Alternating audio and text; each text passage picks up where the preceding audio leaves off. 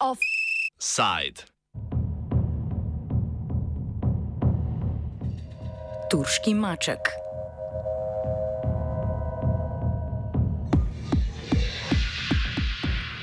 Turški predsednik Recep Tayyip Erdogan se je vnovič izvlekel. Namesto poraza, ki so mu ga na predsedniških volitvah napovedovale predvolilne javnomnenjske ankete, je Kemala Kilič Darugluja, glavnega opozicijskega kandidata iz republikanske stranke, premagal za več kot 4 odstotke oziroma za več kot 2 milijona glasov. Bo pa moral Erdogan prvič, odkar se je odločil vladati z predsedniškega namesto premijejevskega stolčka, v drugi krok volitev. Dobil je namreč okoli 49,5 odstotka glasov, za zmago v prvem krogu pa bi moralo zanj glasovati več kot 50 odstotkov voljivcev. Kljub temu, da še niso preštete vse glasovnice, je državna volilna komisija uradno sporočila, da bo za izvolitev predsednika potreben drugi krok. Očitno zmago je koalicija desnih strank, zbrana okrog vladajoče stranke za pravičnost in razvoj, znane kot AKP, dosegla na parlamentarnih volitvah. Tudi če se bo Kilič Darogluju v drugem krogu posrečil preobrat, bo moral vladati s parlamentom, v katerem bo večino še zmeraj obvladal Erdogan.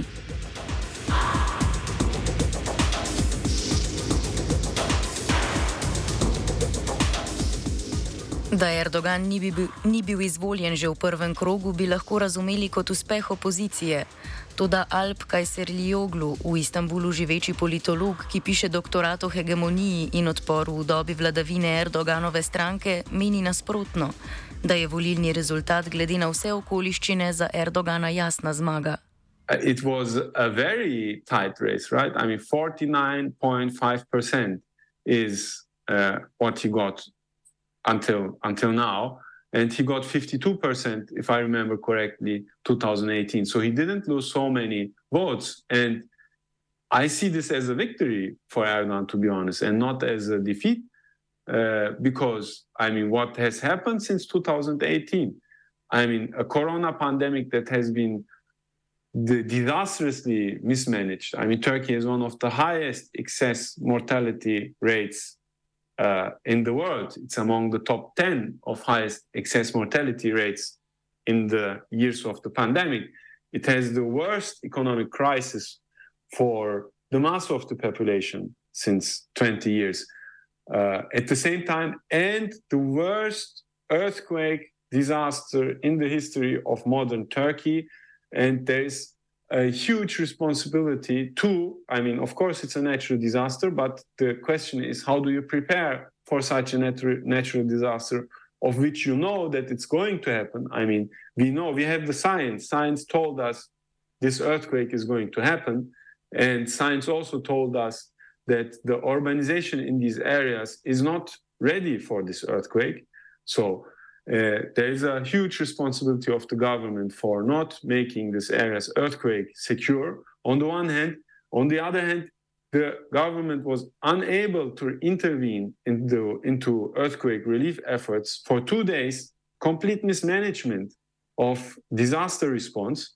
And in spite of all of this he's still just about just under 50% of the vote. I would rather see this as a huge victory, to be honest, for Erdogan. And this is what has to be explained, not the fact that he didn't win in the first round.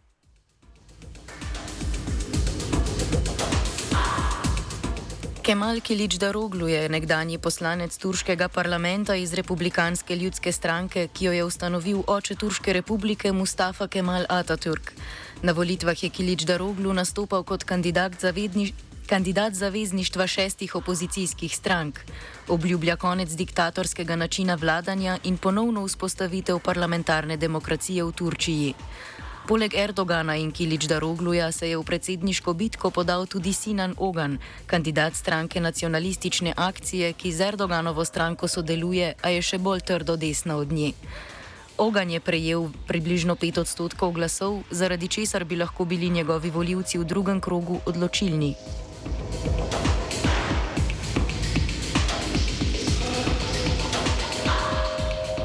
Na referendumu leta 2017 so voljivci podprli ukinitev funkcije predsednika vlade in spremembo sistema v predsedniško republiko. Zakonodajo je turški parlament kasneje potrdil z zavezništvom Erdoganove stranke za pravičnost in stranke nacionalistične akcije, krajše MHP. MHP je ustanovila svojo ulično militantno krilo, imenovano Sivi Volkovi, ki ga stranka že desetletja uporablja za nasilno obračunavanje s političnimi nasprotniki.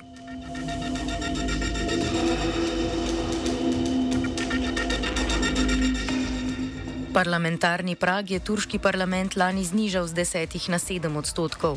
To pomeni, da mora stranka ali zavezništvo strank za izvolitev v parlament prejeti vsaj 7 odstotkov glasov. Včeraj je preboj v parlament uspel trem zavezništvom. To je uspelo ljudskemu zavezništvu, ki ga je poleg AKP sestavljajo MHP in še dve konzervativni stranki. Zavezništvo bo imelo v parlamentu okrog 322 od skupno 600 sedežev. 212 sedežev je dobilo opozicijsko narodno zavezništvo, sestavljeno iz šestih strank, ki so za predsednika podprle Kilič Darogluja. Delavsko in svobodnjaško zavezništvo, ki ga sestavljajo delavske, levičarske in svobodnjaške stranke, je osvojilo 66 sedežev. Zaradi parlamentarne razporeditve strank Diego Kupolov, urednik portala Turkey Recap, Pojasnjuje, da bo turška politika v primeru Kilič Daroglujeve zmage na predsedniških volitvah pristala v pad položaju. Unlikely that Kilič Daroglu will win. At this point, he has a 20% chance, according to some of the expectations I'm reading. And if he does win, uh, and he has to work with a AKP MHP parliamentary majority, it's going to be very hard for him to govern. And if this were the case, many would expect uh, snap elections in one or two years because of a dysfunctional government and you know inability to make laws most likely there would need to be uh, unexpected elections again to try and create a better government coalition that can function with or without Kılıçdaroğlu.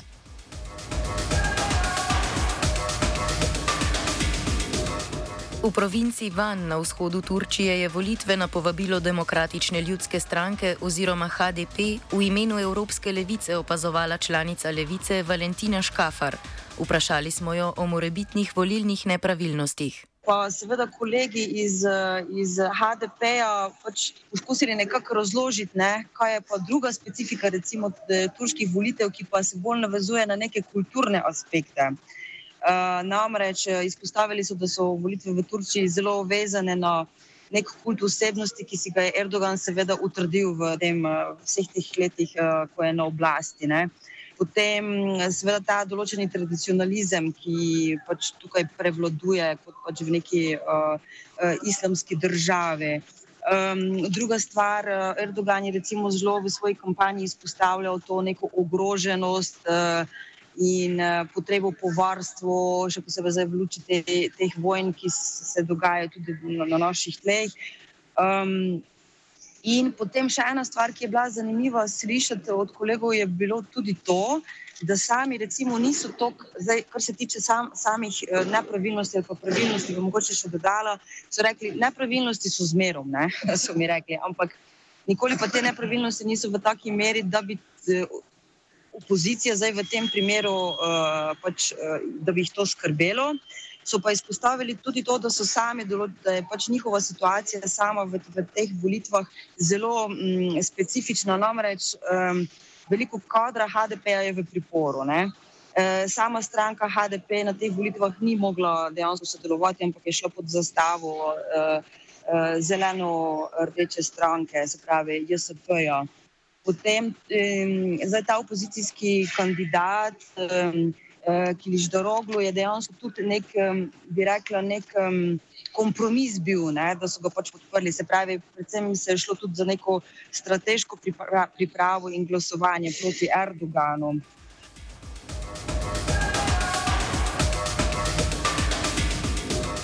Kot poroča Valentina Škafar, je večjo nepravilnost predstavljala tudi prisotnost vojske na voliščih v regijah s kurdskim prebivalstvom. Tokrat nismo bili akreditirani uh, opazovalci, ampak smo bili pravzaprav povabljeni strani uh, stranke HDP, da pač jih podpremo in da svojo prisotnost tudi nekako zagotovimo, da bi volitve potekale čim bolj normalno. Um, uh, uh, volitve smo šli opazovati v mesto Edremit in obiskali štiri volišča.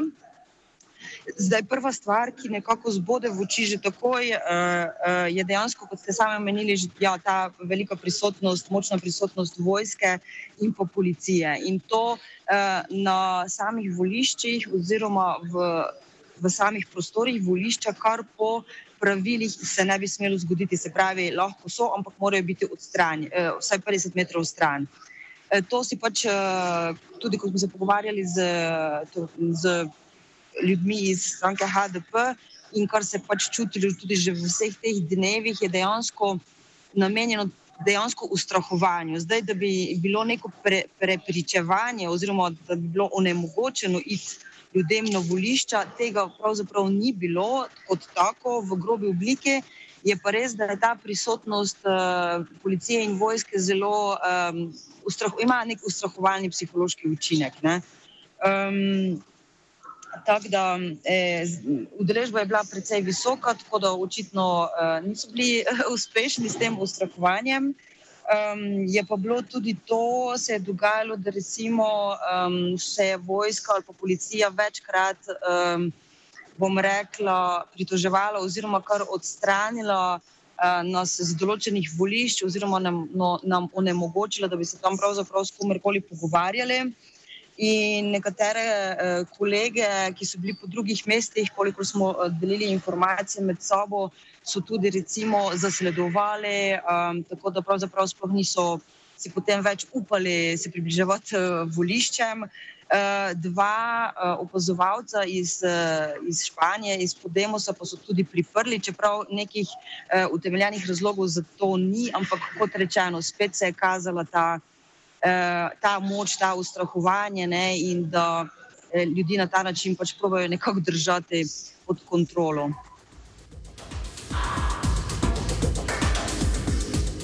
Kot pojasnjuje opazovalka, volilni dan ni minil mirno.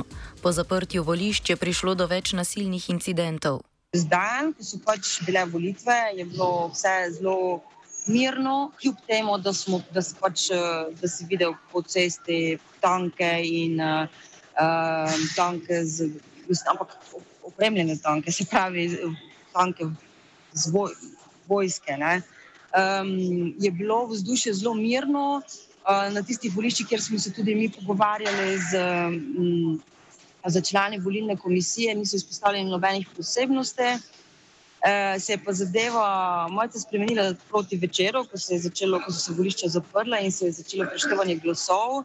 Um, se je ta prisotnost policije še ukrepila in vojske. Um, mi smo se pač sprehajali, se sprehajali, šli iz, v hotel in je bilo prav uh, srhljivo uh, pač videti te scene. Je pa res, da ljudi na cesti skoraj da ni bilo. In to tudi zaradi tega, ker so naprimer, tudi člani, uh, se pravi, opozicija je pozivala k temu, da naj ljudje le ostanejo doma, naj ne gredo ven, naj se ne dajo provocirati in eh, da se pač izognejo kakršnim koli možnostmi konfliktov. Mm, je pa res, da je v mestu uh, Cizre, to je ob uh, turško-sirijski meji, um, so streljali, so obstreljevali recimo stanovanske predele za sozivcem, tako da so bile neke provokacije. Uh, Uh, bili so tudi kakšni manjši izgredi na, na nekih voliščih, ko so uh, voljivci Erdoganove stranke uh, napadali, fizično napadli pač, uh, voljivce opozicije. Ampak nekih zdaj takih hudih eskalacij ni uh, bilo. In zdaj, glede na to, da Erdogan tudi ima zelo spraven jezik, če lahko temu tako rečemo. Eh, je verjetnost, da bi prišlo do neke resne eskalacije, verjetno manj, manjša. Eh, ne, ne gre pa nič za izključiti. Ne? Zdaj bomo videli, kako, kako se bo končalo, ko bodo res uh, znani dokončni uh, rezultati uh, volitev.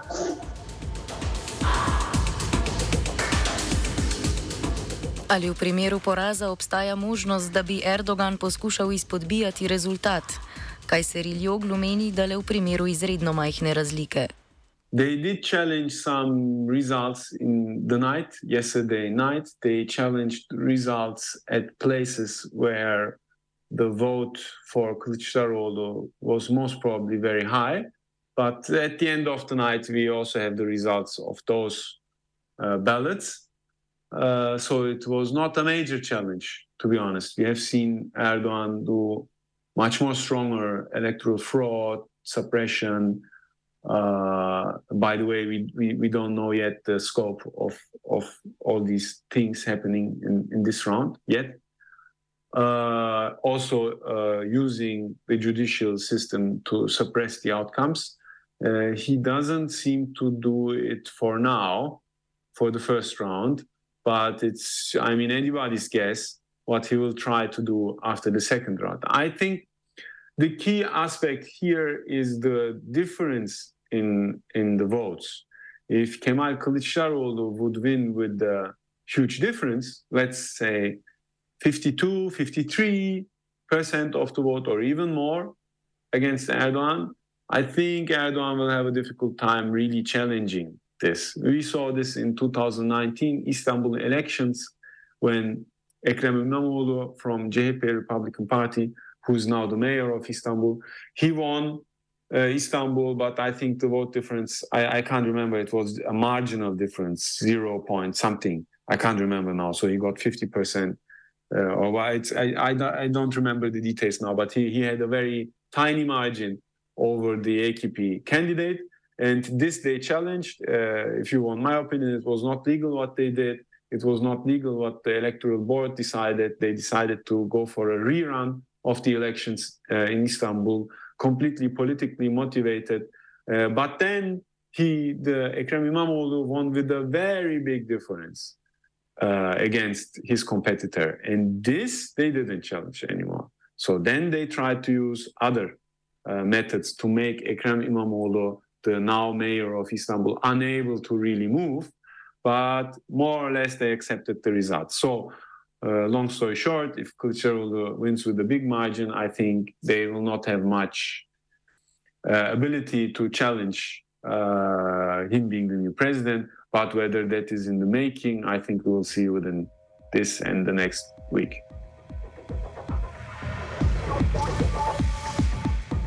Po besedah Kajseri Ljogluja bodo o volitvah v drugem krogu odloči, odločali voljivci stranke MHP. Komu bodo namenili svoje glasove, pa je v veliki meri odvisno od tega, koga bo podprl Sinan Ogan. People that voted for the third presidential candidate really want to see such uh, a result. Uh, uh, whether uh, this is going to happen or whether they rather uh, prefer to stop Erdogan, uh, I think the, this will be the contest. So I, to be honest, I, I can't for, foretell you for now. I think today Erdogan has the upper hand. Uh, we don't know how it will look tomorrow. The third presidential candidate, he has already declared that he's going to talk with both sides. So this means with Erdogan and uh, Kılıçdaroğlu. And uh, he said uh, he has some main uh, preconditions uh, that he wants to be accepted for him to declare his support for one or the other candidate. Uh, basically, his conditions is that Turkish nationalism uh, is uh, not to be touched, and uh, Turkish nationalism is to be accepted as the precondition for politics in Turkey, which is from a democratic and left point of view, of course, a very problematic precondition that he's trying to set, uh, then he will support uh, one or the other candidate. And uh, we will see whether the opposition candidate will go into bargaining uh, with this guy and uh, give him even more concessions. Uh, and with him, I mean towards far right extreme Turkish nationalism than the main opposition is already doing. Uh, or whether Kemal Kılıçdaroğlu will decide not to give any more concessions. Um, and maybe Kılıçdaroğlu will also think that he, if he gives more concessions to the Turkish extreme nationalism, he might lose, he might lose Kurdish voters because Kemal Kılıçdaroğlu, the main opposition presidential candidate, actually got the most votes in the Kurdish uh, parts of Turkey, not so much in other parts, in Anatolia, central Anatolia, or the west of Turkey. So maybe he will think rather not to give so many concessions to Sinan Oğan, but focus on capturing voters of Sinan Oğan via their antagonism towards Erdogan, fascistic, Islamistic kind of style of politics. Uh, so we will see. It, it's open for contestation. Po mnenju Diega Kupola bodo Oganovi voljivci v drugem krogu večinsko podprli Erdogana. Is a super nationalist, anti-immigrant, somewhat fascistic, uh, and it says it on their w- Wikipedia page. If you look at the alliance that he's running under, one of the political theories is fascism on Wikipedia. Uh, so uh, his voters are not going to be split between the opposition and the ruling party.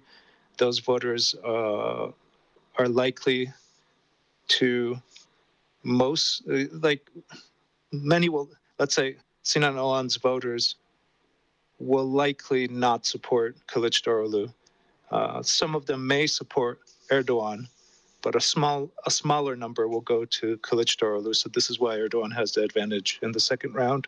Many of Sinan Olan's voters are likely not to vote. So there's there's also the chance that many voters see no reason to go to the polls for the second round. Uh, so we have to see whose the, whose voters those will be. Uh, I'm going to guess that it's the opposition voters, and Erdogan's voters will continue to go to the polls and support him. Rezultat drugega kroga predsedniških volitev bo nedvomno pomembno vplival na širšo regijo Balka Bližnjega vzhoda, kjer je Turčija ena najvplivnejših držav. Vojaško in ekonomsko je namreč upletena v širši regiji. Erdoganova vlada je v zadnjih letih začela z eksplicitno ekspanzionistično zunanjo politiko. Leta 2018 je okupirala sirsko planoto Afrin, ki je bila predtem del avtonomne administracije severovzhodne Sirije, poznane tudi kot Rožava.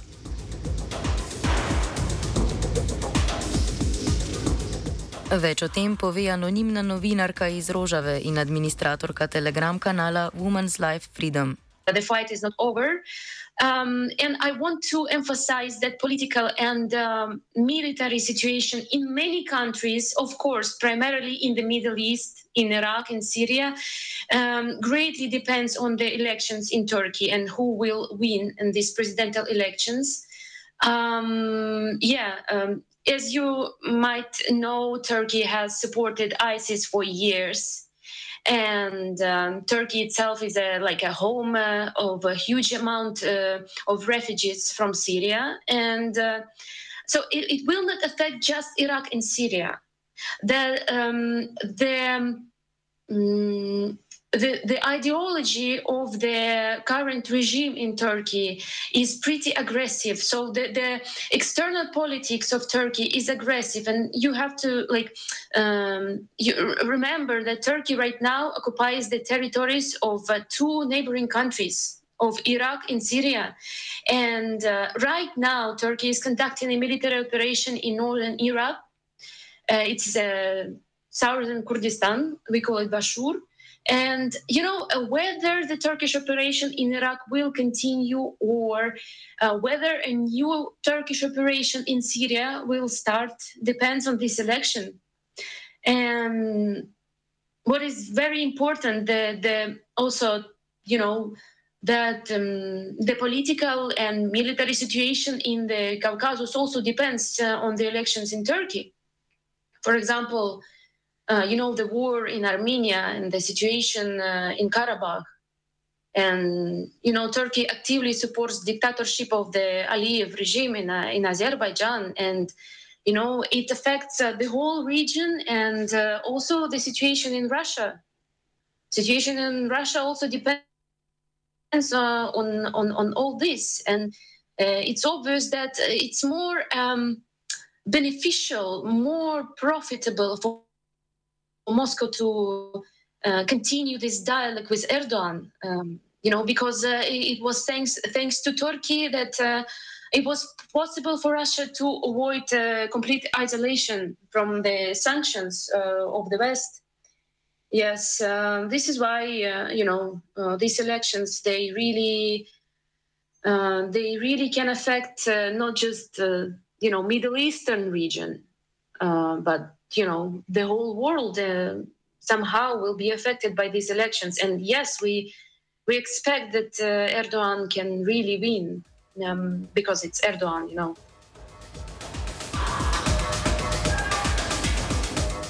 Erdoganovi oblasti torej še ni videti realnega konca. Vse bolj jasno je, da je Erdogan maček z devetimi življenji, teh pa mu očitno še ne zmanjkuje.